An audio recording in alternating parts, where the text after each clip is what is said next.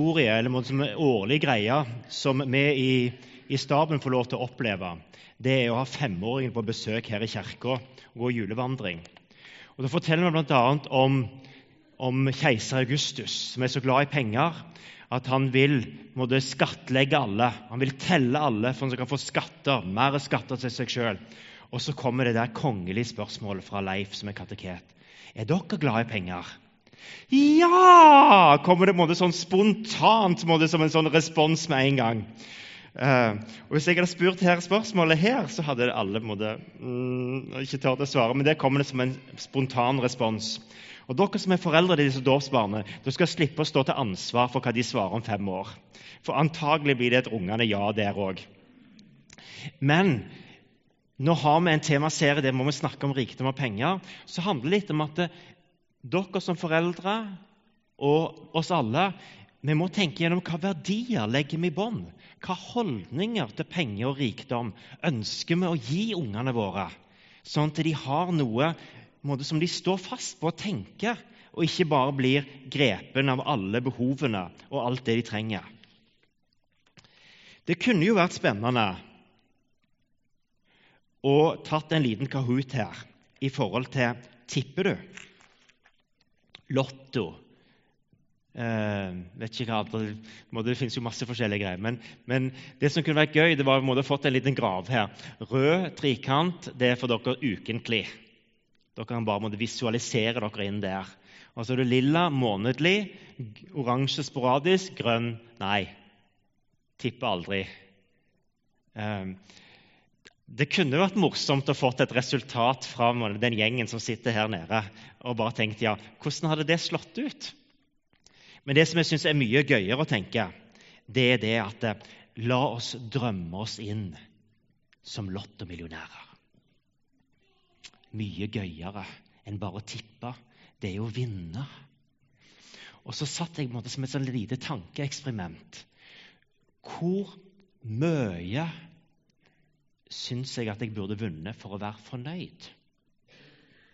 For det er jo kjipt, altså. Ok, 10 000 det monner bitte litt, altså, men det river ikke. Uh, og 100 000 det går bare rett i det der sluket på det der lånet. Så, så det, det, bare forsvinner i det der mørke hullet. Så det river heller ikke. Og så begynte jeg å tenke ok, hvis vi sletter lånet Én million til hver av ungene hadde jo vært fint å ha. Uh, og så begynner jeg å tenke jeg har ikke noen sånn elektrisk garasjeport. Det var en sånn liten detalj som jeg tenker, det, det hadde vært veldig greit å få på plass. altså. Dere husker Jeg fortalte forrige søndag om dette huset til bilen sant vel, som jeg har hjemme. Jeg har et eget hus til bilen. Er dere klar over det? Ved siden av huset mitt så har jeg et eget hus. Der bor bilen. Han har innlagt strøm, alt mulig. Og så tenker jeg at jeg skulle hatt en sånn elektronisk greie, sånn at jeg bare kan sitte i bilen og trykke, og så går dørene opp. Altså det, det, savner jeg veldig. Så det, det, skulle jeg lagt inn i denne potten. Um, ja, så Det kunne jo vært gøy å ha ei hytte òg. Uh, eh, det kunne det. Det kunne vært praktisk. Det er godt å komme seg ut av Ålgård av og til, iallfall. Nærbø er godt, det. Um, og så ja, Hva mer var det jeg tenkte på? Jeg tenkte det var et par ting til. altså. For det var litt det der, Hvis jeg skal være på en måte 100% sikra med denne gaven, her, så er det jo greit å ha litt i bakhånd. Og kanskje litt til hobby og reise. Jeg er veldig glad i å reise. Så et lite sånn reisefond. Eh, og når jeg hadde summert opp alle disse tingene, her, så fant jeg ut at, eh, at fem millioner det holder ikke. Fem millioner det blir for lite det, det bør helst ligge nærmere ti og oppover for at jeg skal være fornøyd med på den lottogaven. Um, jeg vet ikke om du kjenner deg igjen, men, men det, det, er litt, det, er litt, gøy å ta noen sånne eksperimenter av og til og kjenne litt på det derre mm. Men så er det spørsmålet hadde det gjort meg lykkeligere. Hadde det gjort meg lyttigere? Forrige søndag så begynte vi på den her, hvor, hvor går grensa på det der med at jeg er fornøyd eller ikke? Og hvis en begynner å tenke at penger og rikdom skal fylle det der behovet, så vil det alltid den grensa være mer enn det du har i dag.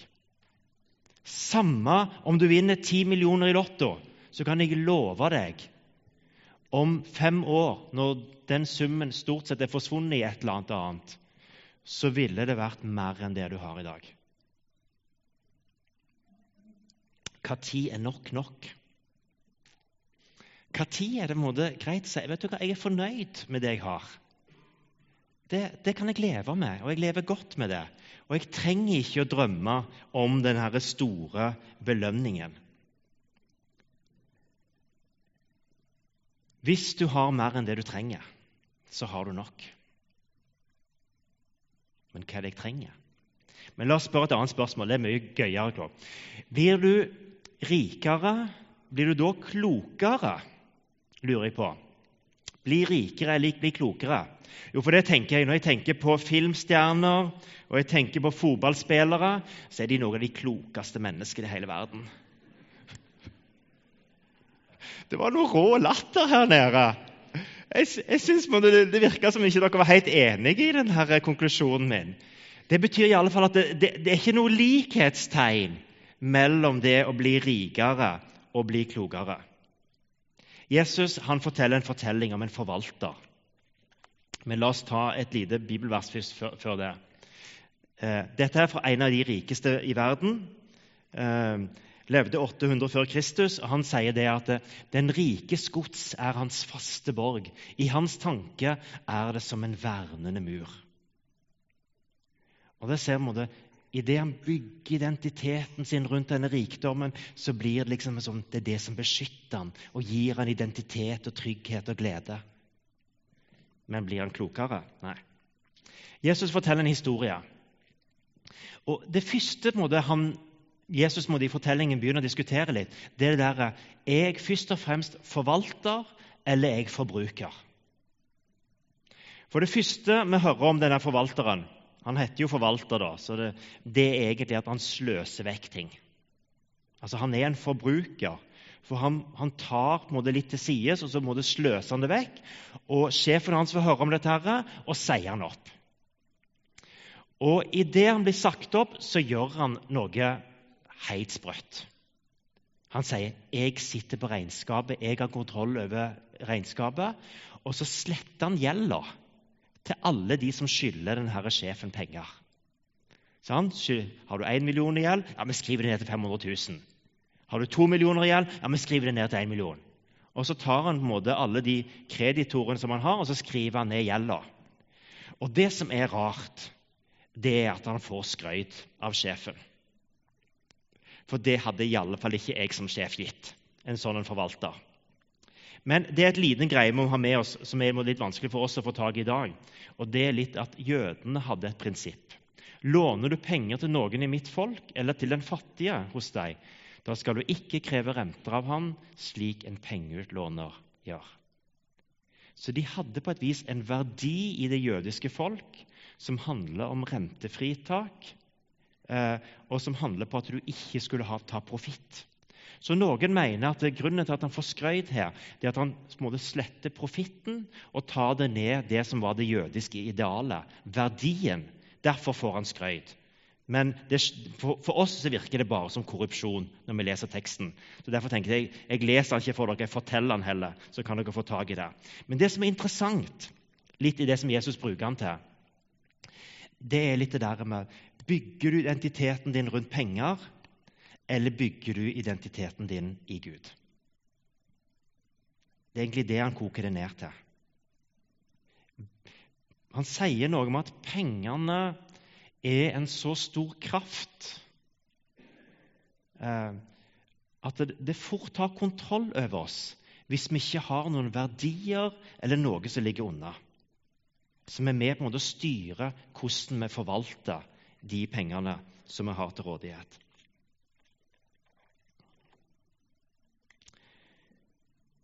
Det var vi sist. Til dere rike i 1. Timoteus brev ikke sats livet på pengene.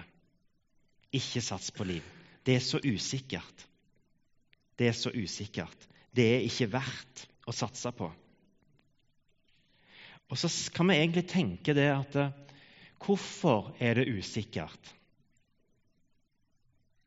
Jo, en av de tingene som er det usikre, handler om at eh, vi ikke styrer ting i livet. med pengene. Det er bare en begrensa del. Er alle sårbare mennesker. Også rike mennesker får livet snudd opp ned. Ungene skeier ut. Doktoren ringer. Ja, det er alvorlig. Ekteskapet skranter. De fleste rike mennesker, en del av de sover veldig dårlig. Bekymring, magesår. Jeg har truffet en ganske rik mann som i en alder av 50 år fikk magesår og sleit med det resten av livet. Det er, noe med at det er ikke noe selvfølge at rikdommen kan måtte, løse ting for oss, for livet er sårbart. Og i dette sårbare livet så trenger vi først og fremst relasjoner. Det er det som er basis. Vi trenger å høre til, og vi trenger relasjoner. Selv ikke troen på Gud, som vi sier, må ikke sats liv på pengene, sats liv på Gud, så løser ikke det heller alle ting. Men det gir meg en trygghet på at jeg har en tilhørighet, samme hva opptur eller nedtur som møter meg. Og Det er det jeg har lyst til å formidle til dåpsungene òg, opp gjennom trosopplæring. er nettopp der at Dere har en Gud som går sammen med dere uansett. Så er dere aldri alene. Dere har en som går sammen med dere. Til dere rike, vær rike på gode gjerninger, gavmildhet og raushet. Vær rike på gode gjerninger, gavmildhet og raushet. Og Rett før der så sier han ikke vær overmodige eller ikke vær arrogante. Se for dere en 18-åring som kommer kjørende med en Porsche. Gjerne kabriolet, tatt det ned, fine sommervær, høy musikk. Og Det første jeg tenker, her er det en hardt arbeidende ung mann. Det er den første assosiasjonen min.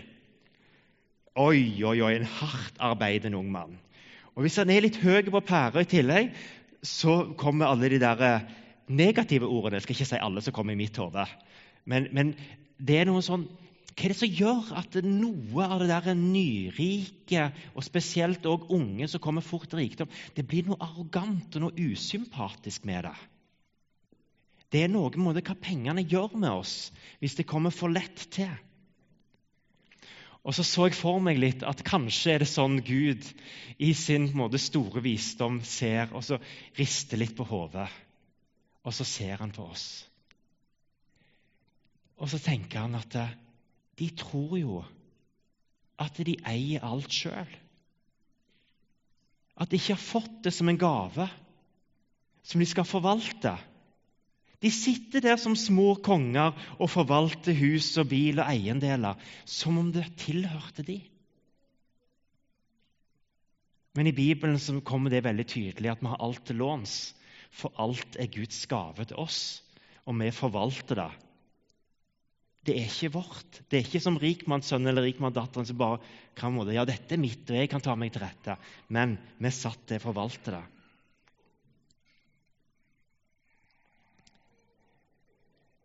Noen sånne korte spørsmål. Hva er det som gjør at det er så lett å knytte identiteten vår til velstand og rikdom? Og Om jeg ikke knytter identiteten min, så kan jeg iallfall gjenkjenne meg i den andre. Og det er litt den der frykten eller bekymringa for framtida.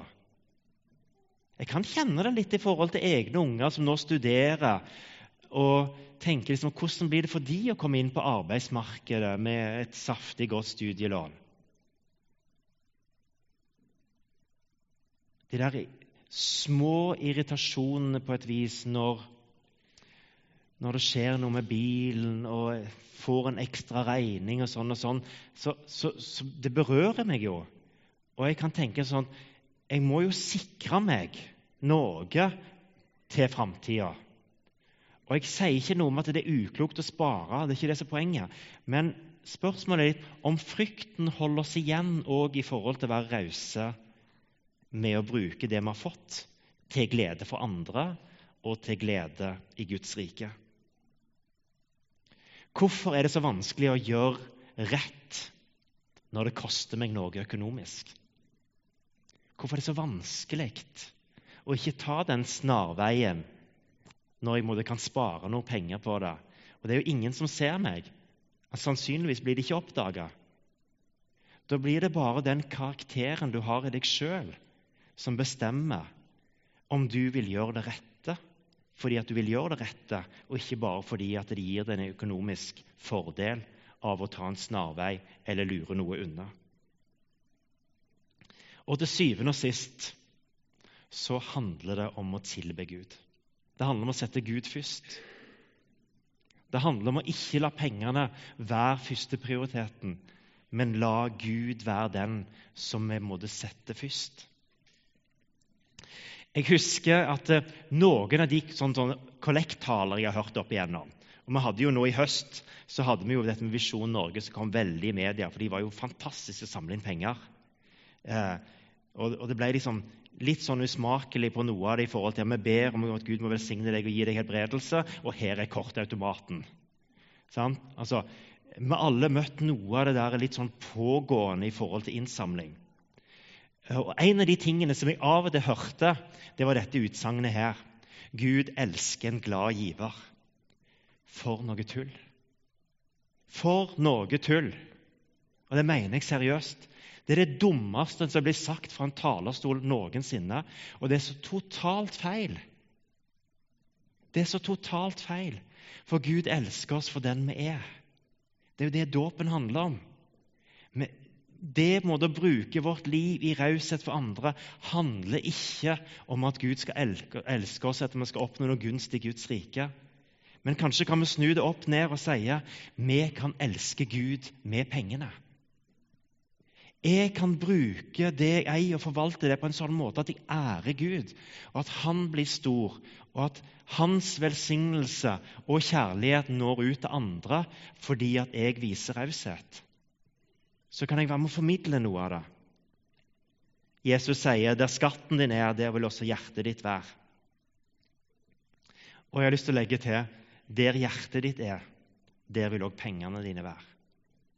Fordi at vi styrer pengene mot det som betyr mest for oss i livet.